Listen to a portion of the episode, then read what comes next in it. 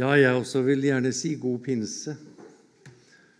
Og første pinsedag har vi allerede hørt teksten dette året, denne årets tekstrekke. Og vi skal høre den om igjen, men vi, vi må fortsette å be den gamle salmestrofen før vi hører Guds ord. Kom, Hellig Ånd, med skapermakt. Opprett hva synd har ødelagt. Amen. Johannes 14, Johannes 14 fra vers 23 til 29. I Jesu navn. Jesus svarte og sa til ham:" Om noen elsker meg, da holder han mitt ord og min far skal elske ham, og vi skal komme til ham og ta bolig hos ham. Den som ikke elsker meg, holder ikke mitt ord, holder ikke mine ord. Det ord som dere hører, er ikke mitt, men Faderens, Han som har sendt meg. Dette har jeg talt til dere mens jeg ennå er hos dere. Men talsmannen Den hellige ånd, som Faderen skal sende i mitt navn, han skal lære dere alle ting og minne dere om alt det som jeg har sagt dere. Fred etterlater jeg dere, min fred gir jeg dere. Ikke som verden gir, gir jeg dere. La ikke deres hjerte forferdes, frykt ikke. Dere hørte at jeg sa til dere, jeg går bort, og jeg kommer til dere igjen. Dersom dere elsket meg, ville dere glede dere over at jeg går til Faderen, for min far er større enn jeg. Og nå har jeg sagt dere dette før det skjer, for at dere skal tro når det skjer. Slik lyder Herrens ord, og vi ber, Hellige Far, hellig oss i sannheten. Ditt ord er evig sannhet. Amen.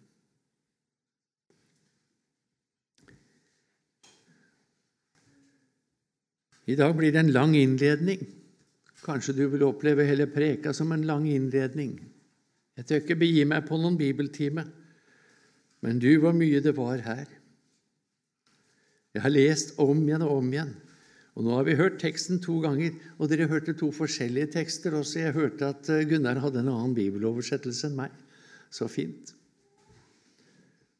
La du merke til det?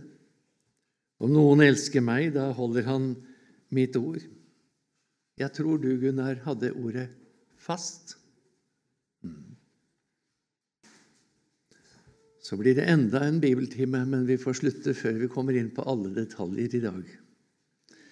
I dag blir det en bondes vitnesbyrd, tror jeg. Jeg kjenner meg så liten her jeg står og skal utlegge teksten første pinsedag. Jeg skal gå en krokvei, det skal jeg love deg. Det blir ingen utlegging fra meg på hvert vers. Det ble for stort for meg i dag. Men jeg har så lyst til at vi skal holde oss til første pinsedag, like som vi på langfredag ikke synger, ikke synger eller leser juleevangeliet. Det er en orden i Guds rike som er god å ta vare på. Er du pinsevenn? Nei, du er kanskje ikke det siden du er her, men uh, en kristen er vel pinsevenn? Påske- og julevenn, ikke sant? Men du finner, du finner ingen pinsevenn omtalt i Bibelen. Det ordet fins ikke. Ja, hva da? Du skal lete ei stund før du finner ordet luthersk også i Bibelen. Det står ikke der. Ja, hva da? Dessverre er ikke alle kristne på samme lag og i samme båt. Vi ser stykkevis og delt, alle sammen. Vi vektlegger forskjellig. Vi ser ikke alle sider ved Guds ord helt likt og på samme måte. Vi er ikke enige om alt. Vi er ikke enige i alt. oss imellom. I pinsen kommer det ganske så klart uttrykt, og jeg vil mene det kommer tydeligere uttrykt der enn julekveld og langfredag. Blant annet i pinsen, vil jeg si. Går du på etiske spørsmål, så er det jo et voldsomt sprik i dag. For da mener jo summen av alle kirkesamfunn omtrent like mye som hele verden mener. Vi reiste forbi Bautaplassen på Årnes i dag. Det flagges også i pinsen, ikke bare 17. mai. Og Darby forteller Nei, se der, sa han. To svære prideflagg som spotter Gud for å hedre de krigsfalnes minne. Ja, tenkte jeg, det skulle min far ha sett. Han var aktiv under krigen. Så det sto ikke i manus. Vi er uenige. Mange av oss er uenige. Jeg er svært uenig med den kirke jeg har vokst opp i. Den er en horekirke. Den er en Satans synagoge. Det er i hvert fall sikkert. Hold deg unna, du. Vi skal legge vind på enighet, sier Guds ord. Ja, for de kommer så visst ikke av seg sjøl. Også det har synden ødelagt. Jesus ba om at vi måtte være ett. Feilaktig sier noen at eh, vi skal være ett. For det har Jesus sagt. Nei, måtte dere være det. Jeg ber for dem, sier Jesus, at de må være ett. Ja, Jesus visste at det kom til å bli mange og sprikende forsamlinger. Menigheter, kirkesamfunn, blant hans venner når han gikk bort. Derfor ber han. Han ba. Og det gjorde han vel fordi den bønnen var nødvendig, tenker jeg. Ja, så enkelt, tenker jeg. Vi skal ikke være ett. Den moderne økumenikk er noe av det verste som har skjedd i Guds rike på denne jord, hvor man skal presse alt sammen. Men Guds rike, venner, det er da ikke en soplime. Den er knytt sammen. Har du sett en soplime? Den består sammenknytt av døde kvister. La oss ikke strides, sier mange.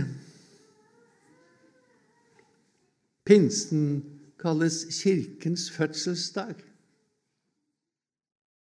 Ja, hvilken kirke var det som ble født den dag?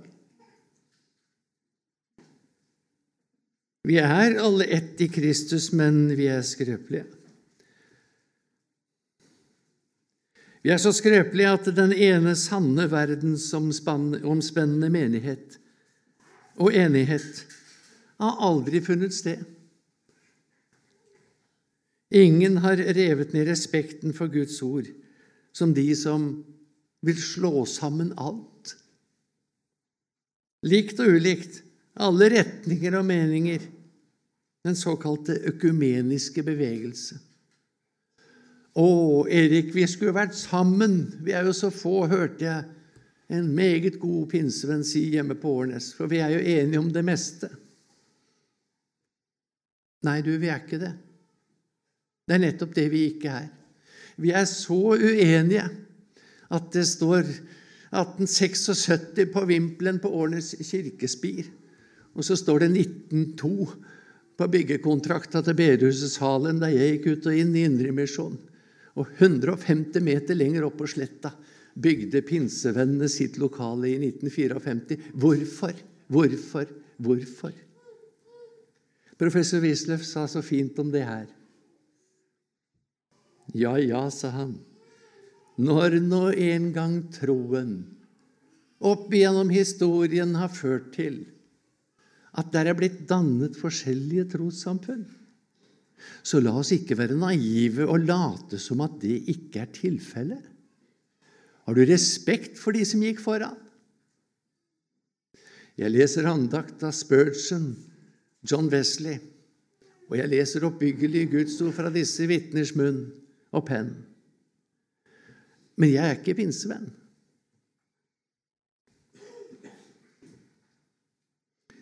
Hvorfor kan ikke pinsevenner og metodister og baptister slå seg sammen? Hvorfor kan ikke rosenianere, destadianere og haugianere slå seg sammen? Jeg vil så få igjen av dem alle sammen. Og hvor mange frikirker og bibeltro kirker og foreninger og organisasjoner har vi nå? Ja, jeg har snart en til hver mann. Hvor smertelig det er at vi sitter i hver vår båt, i hver våre leire. Dere som er unge, syns det er veldig vanskelig, vet jeg. Å, det er så mye splid. Vi skulle vært sammen, alle sammen. Tenk så mange vi hadde vært, og så sterke vi hadde vært.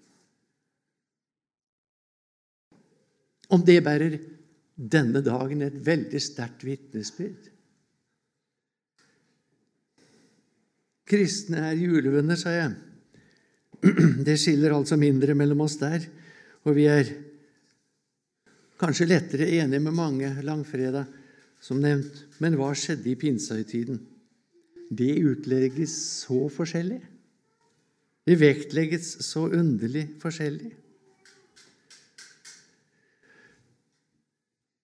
Og slik det forkynnes, slik blir troen. Og når det forkynnes forskjellig, så blir det forskjellige trossamfunn.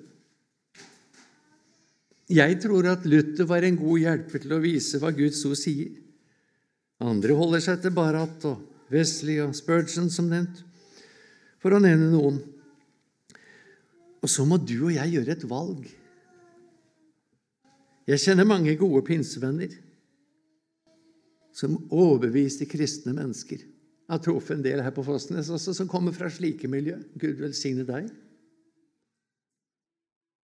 Men jeg tror de tar feil om f.eks. Eh, pinsedagens innhold. Det ser vi forskjellig på.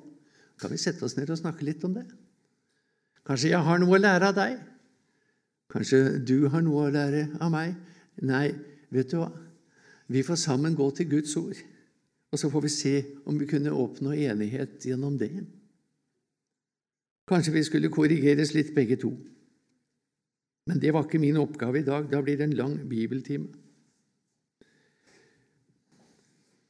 Men jeg kjenner mange gode pinsevenner som overbeviste kristne, men de tar feil på pinsedagens innhold fordi de tror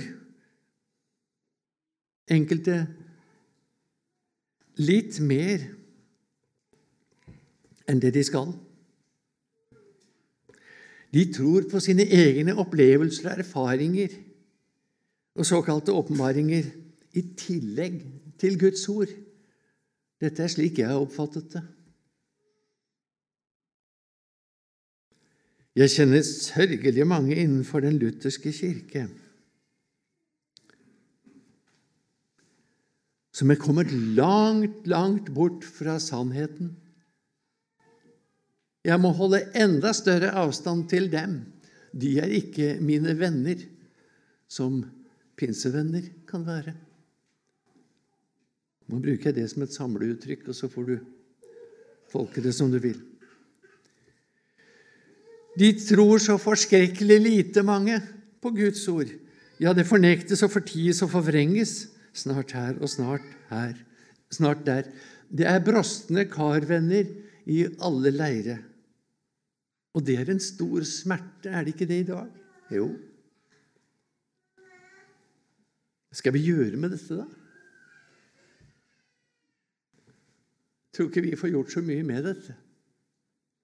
Jeg har ikke tenkt å lage noe sannhetens kirkesamfunn, har du? Nå får det holde. Men vi trenger åndsbåren forkynnelse. Det trenger vi, for det har vi for lite av. Hos oss og hos andre er det for lite av det. For så mange som er drevet av Guds ånd, de er Guds barn. Ser du det? Forstår du det? Er du drevet av Guds ånd? Kan det merkes at ditt liv er innviet til Jesus, elsker du ham? Det var spørsmålet i dagens tekst.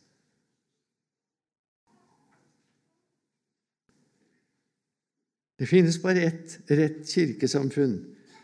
Og jeg har lyst til å si det slik, Paragraf 1 i det kirkesamfunnet, vet du den, hvordan den lyder? Det står i Johannes 10, 27.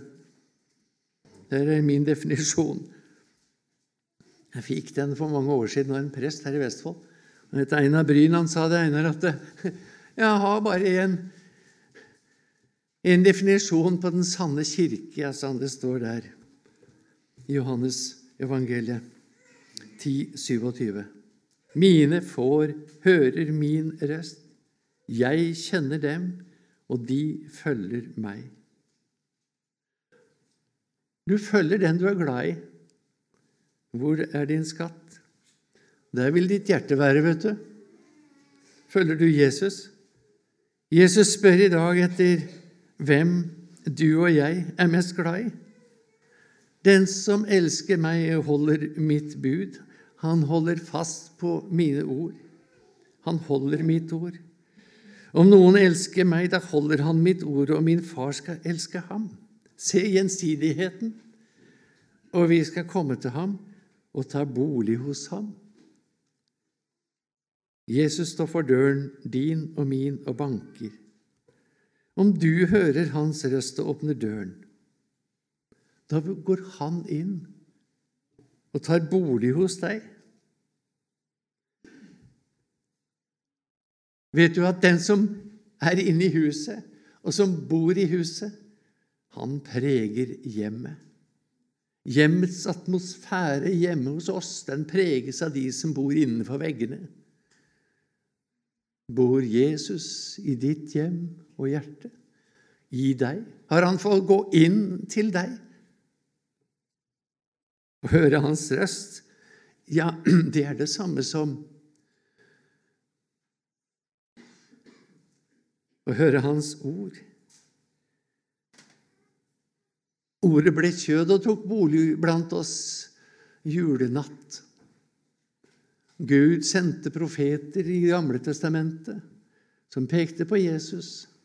De vitner om meg, sier Jesus. Når du åpner Bibelen din, møter du Gud. Preger han hjemmet ditt, har han fått komme hjem til deg. Å bøye seg for Guds ord, det er den som hører hans røst. Hvis du ikke bøyer deg for Guds ord, så blir du bare en teolog og teoretiker. Vi kan lære og kunnskap om Gud, det kan vi ha masse av, uten å leve med Gud. Det ser vi jo i vår tid. De som kan mest, lever jo minst med Gud, får en lyst til å si, når han ser på de teologiske læresteder i dag. Det er ikke grenser for hvordan de kan forbryte seg mot den hellige Gud og tro at de tjener den sanne Gud. Å høre er å bøye seg for, å takke og ære ham. Og så vil du så gjerne følge ham. Vi skal frykte og elske Gud over alle ting. Og du får del i de rettferdiges bolig. Du er ikke rettferdig, men du får av nåde være hans. Å, vi ber jo Skriv ditt navn i deres, i de små barnas hjerter, og deres i din høyre hånd, så de med deg har fryd og smerte til felles i Den hellige ånd. Er ditt navn skrevet der? Ikke i kirkeboka, men i den boka der oppe hvor det skrives med spesielt blekk. vet du. Det skrives med lammets røde prent. Og det er av nåde. Bare nådens ord kan gjøre deg glad. Det var det som ga deg fred. Min fred, sier Jesus, ikke den som verden gir. Slik vekker han din kjærlighet til seg, du som er fortapt. Vet du det? Du er fortapt der du sitter, som menneske.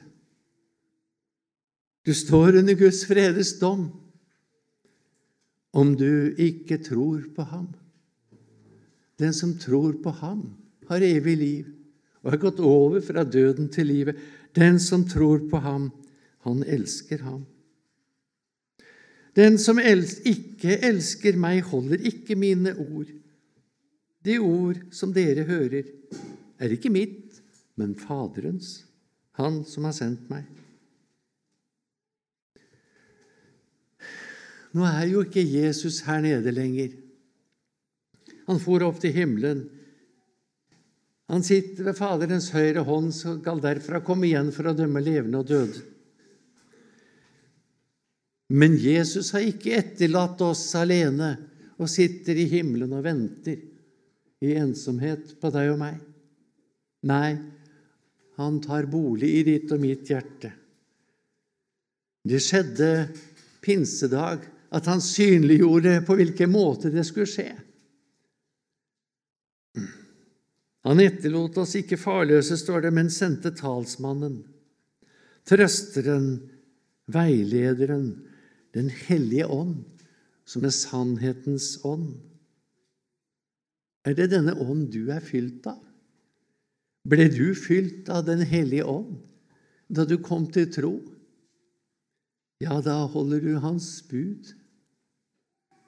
Da holder du fast på Hans ord. Da er Jesus ditt kjæreste eie, og det er det samme som at du ikke kan miste Guds ord. Du spør hver dag hva sier Gud til meg i sitt ord. Er det den ånd du er fylt av? Fikk du Den hellige ånd? Fikk dere Den hellige ånd da dere kom til troen? står det spørsmålet. Hvis ikke, hva tro er det du da har? Jeg har skrevet et lite avsnitt nå. Jeg vet ikke om jeg tar det med, men vi får prøve. Har vi holdt på lenge i dag? Og når vi sier ordet ånd, definerer vi dette ordet litt ulikt. Hos mange går tanken, og det er jo rett også, til, til noe diffust. For det er ikke så håndfast. Du kan ikke se og ta og føle på ånd. Det er ikke gjort med to ord, slett ikke for en bonde, å forklare hva er ånd. Mange definerer ånd som det Det er det du føler. Det er din innskytelse. Det er intuisjon. Det er eh, en brennende trang. Det er eh, henrykkelse, sinnsbevegelse, en sterk opplevelse, noe overnaturlig ja, og så er vi i gang. Nå skal vi se om vi skal bli enige. Der Nei, det var ikke så enkelt, det der, du. Det var ikke så enkelt. For begynner vi først å snakke slik og skal prøve å definere disse ting for hverandre, så, så glir vi snart langt fra hverandre.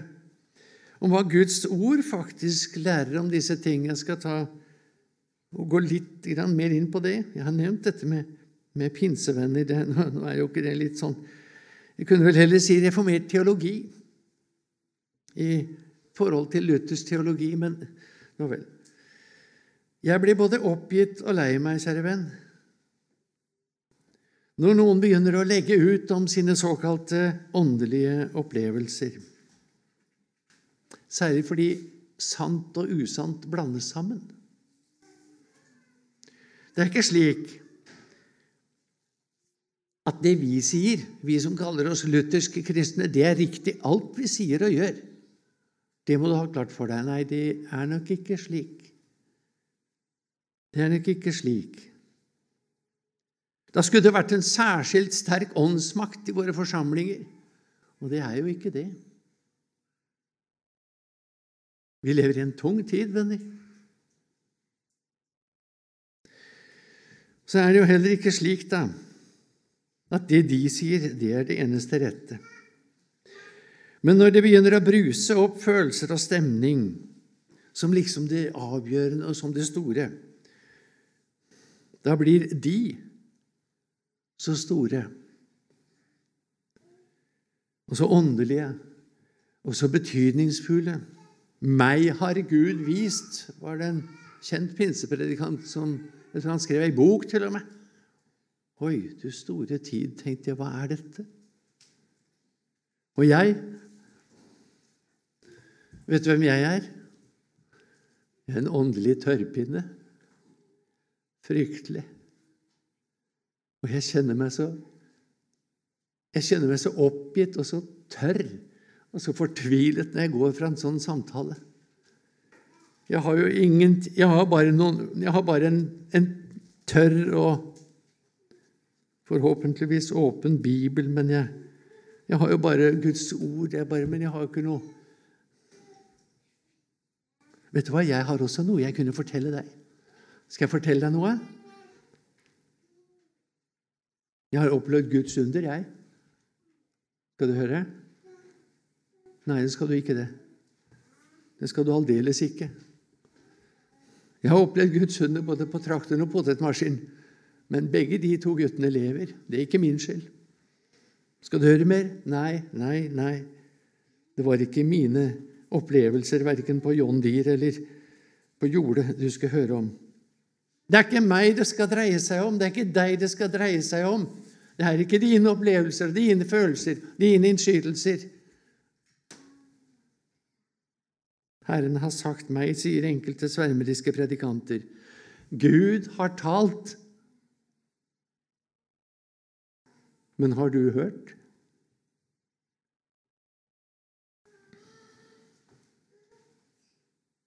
Det Guds ord har talt til meg, det vil jeg gjerne forkynne for deg. Og må Gud gi at jeg ikke forkynner deg noe annet, men må Gud også gi at jeg er prøvet og erfart. Min fred gir jeg dere, sier Jesus. Du må ikke søke din fred og trosvisshet i dine skiftende åndelige opplevelser. Du er ikke til å stole på der du sitter. Jeg har lyst til å rope ut til dere som er unge, må du slutte å se i speilet, da, gitt. Ikke det på veggen. Du skal se i dette speilet, i Bibelen, hvor da møter du sannheten om deg. Og sannheten om Han som kan få gjort og få råd med deg, få gjort noe med deg. Det er ankerfestet for troen. Ja, men eh, Å Det står jo om tegn og under og Ja, i Matteus 7, 22 skal vi lese. Mange skal si til meg på den dagen Det er Jesus som advarer på dommens dag. Herre, Herre, har vi ikke profetert i ditt navn, drevet ut onde ånder i ditt navn og gjort mange kraftige gjerninger i ditt navn? Men da skal jeg åpent si til dem, jeg har aldri kjent dere. Vik bort fra meg, dere som gjorde urett. Dette sa Jesus mot slutten av denne såkalte evangeliske bergprekene, for det er veldig mange i de pentakostale miljøer som syns. Bergprekenen, det er evangeliet. Det er evangeliet fra begynnelsen til slutten. Nei, det er aldeles ikke. Her er det dom.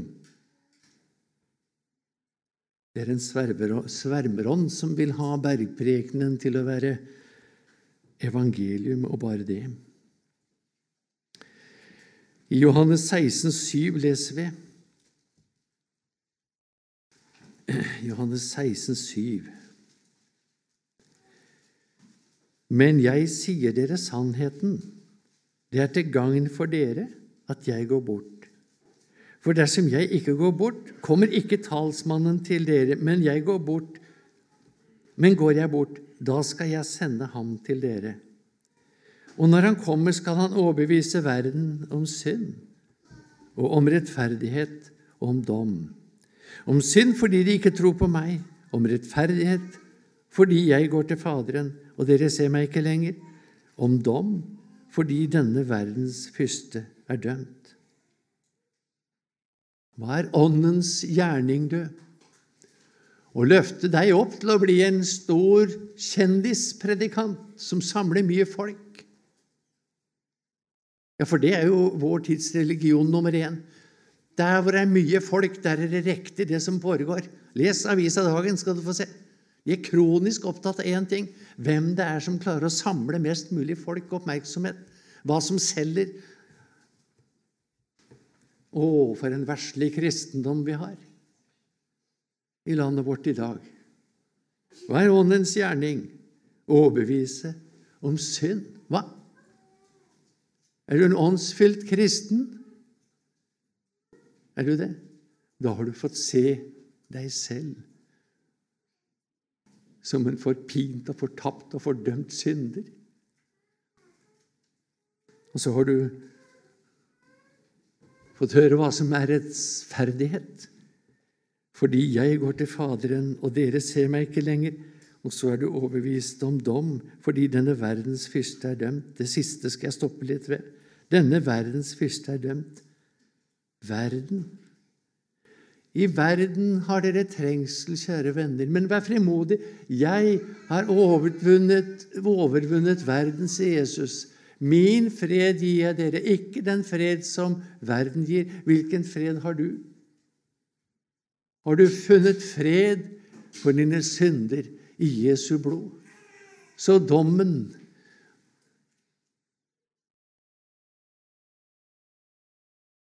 ikke skal ramme deg, for denne verdens fyrste er allerede dømt. Måtte Helligånden være den sanne lærer for deg og meg.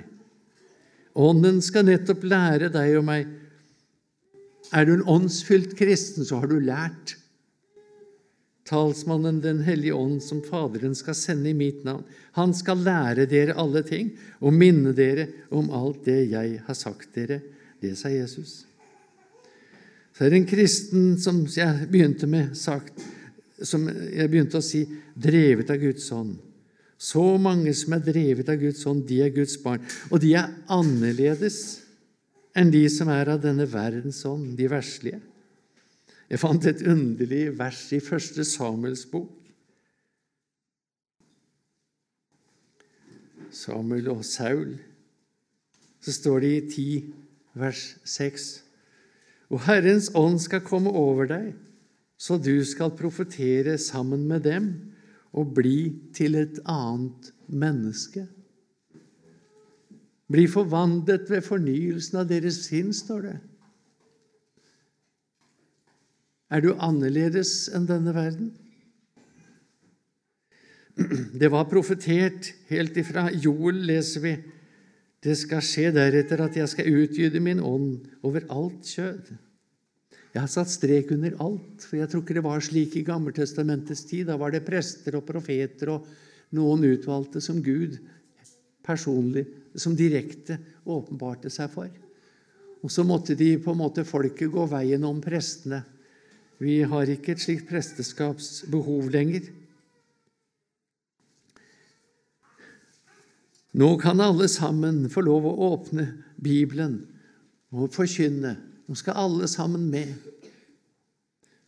Og så skal vi tale profetisk. Det er talen om Jesus som synd og nåde. Pinsedag er dagen da Gud bekrefter sitt løfte om at nå ville han at hele verden skulle bli frelst fra ja, her er jeg skrevet feil. Babels forvirring. Vi hørte den teksten heldigvis til å begynne med. Jeg spurte Gunnar den er så godt hvis du leser den. På Babels forvirring kjennetegnes ved at ingen forsto hverandre fordi de talte forskjellig språk. Pinsedag er som en omvendt forvirring, der alle forstår det som blir talt på sitt eget språk, enda de som talte, ikke kunne de forskjellige språk. Det er et språkunder. Det var neppe direkte tungetale, men det var et under. Og det peker framover. Alle folkeslag av alle stammer og nasjoner, står det i åpenbaringen, skal samles. Vi skal en gang sammen i Guds rike synge lammets nye sang. Kanskje på samme språk. Hvis vi lærte den sangen her nede. Det er ikke ofte at en predikant blir avbrutt midt i talen, men jeg oppfatter at Peter ble avbrutt, og det er de siste to sidene i mitt manus i dag. Vi skal lese en annen manns preken. Det er Peter. Han er på et husmøte. Og det, på det husmøtet så ble det Der skjedde det noe, ser du. Det er åtte kapitler lenger ut i apostelgjerningene etter at Ånden er utgitt pinsedag. Så står Peter fram i apostelgjerningene 10.34, leser vi, i Jesu navn. Apostelgjerningene 10.34. Peter begynte da å tale, og han sa, 'Jeg skjønner i sannhet at Gud ikke gjør forskjell på folk.' Men blant hvert folk tar han imot dem som frykter ham, og gjør rettferdighet. Det ord som han sendte til Israels barn da han i evangeliet forkynte fred ved Jesus Kristus, han er alles herre. Det kjenner dere, dette ordet som er gått ut over hele Judea. De hadde sin begynnelse fra Galilea, etter en dåp som Johannes forkynte. Og taler om at Gud salvet Jesus fra Nasaret med Den hellige ånd og kraft. Han som gikk omkring og gjorde vel og helbredet alle dem som var underkuet av djevelen, fordi Gud var med ham. Vi er vitner, altså disiplene, vi er vitner om alt det han gjorde både i jødenes land og i Jerusalem, han som de drepte ved å henge ham på et tre. Ham oppreiste Gud på den tredje dag og lot han åpenbare seg, ikke for hele folket, men for de vitner som forut var utvalgt av Gud, for oss, vi som åt og drakk sammen med ham etter at han var oppstått fra de døde. Han bød oss å forkynne for folket og vitne at han er den som Gud har satt til å være dommer over levende og døde. Han gir alle profetene det vitnesbyrd hver den som tror på ham, får syndernes forlatelse ved hans navn. Og så kommer det avbrytelsen. Mens Peter ennå talte disse ord, falt Den hellige ånd på alle dem som hørte ordet. Og alle de troende som tilhørte de omskårne, og som var kommet med Peter, ble forferdet over at Den hellige ånds gave var blitt utgitt også over hedningene, for de hørte dem tale med tunger og lovprise Gud. Da måtte vel Peter tie når de begynte å tale. Etter ti vers så har, Det var en kort preken med Peter den dagen. Etter ti vers så står det da falt Den hellige ånd. Hvorfor det? Hva var det som var bakgrunnen? Han talte om Jesus korsfestet. Han begynte å tale om Jesus. Talte ikke om noen over. Han skulle jo fortalt om pinsedag, om hva han hadde opplevd på pinsedag. Der skulle dere ha vært, skulle han sagt til Kornelius, for der opplevde vi virkelig Ånden. Halleluja! Å, takk og lov! Det var svære ting, og vi var i bevegelse, så vi sto og svaia. Nei, han sa ingen. Han taler om Jesus. Om Jesus. Om Jesus. Ja, men vi ta det siste, da. Det er vel noen som oppfatter dette som et lite forsøk på oppgjør. Må Gud gi at jeg ikke har tråkket noen for hardt på tærne i dag. Men på min siste side så står det Markus 16, 17. Jeg har møtt det så mange ganger. Ja, men Erik, det står jo i Bibelen disse tegn skal følge dem som tror.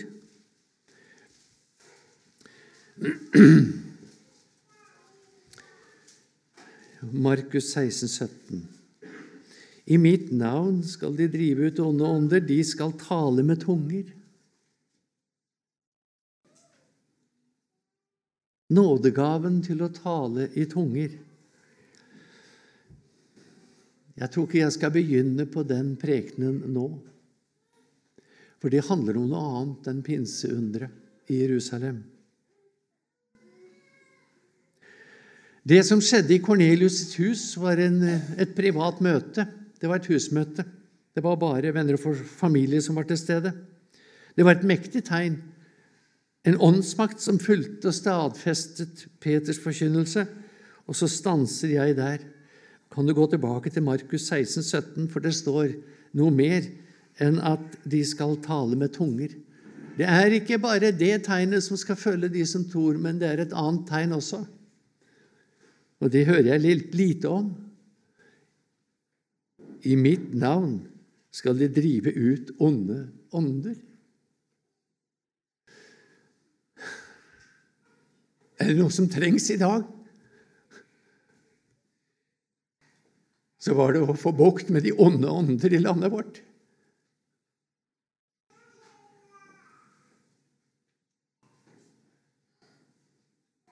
Åndsmakt til å drive ut de onde ånder. Hvor trenger vi ikke å be fram den nådegaven i åndskampen? Det sto en ungdom på talerstolen oppe i Hurdalen i går som leste Efeserbrevet 2 fra vers 1 og 5-6 vers utover. Det kan du gjøre når preka er slutt, så slipper jeg å oppleve, oppta tiden. Det er mange barn her i dag om du elsker meg, da holder du mitt ord. Og min far skal elske deg. Jo, men de som ikke elsker ham og holder hans bud, De har verdens ånd. De er under Guds vrede og kommer ikke til å unnslippe Guds dom. La oss fortsette å be. Enda en gang, Herre, ber vi, kom, Hellig Ånd, med skapermakt. Opprett hva Gud, opprett hva synd har ødelagt, og glede i hvert hjerte gi, som du har født til evig liv. Ære være Faderen og Sønnen og Helligånden for det, du som var og er og være skal en sann Gud, fra evighet og til evighet. Amen.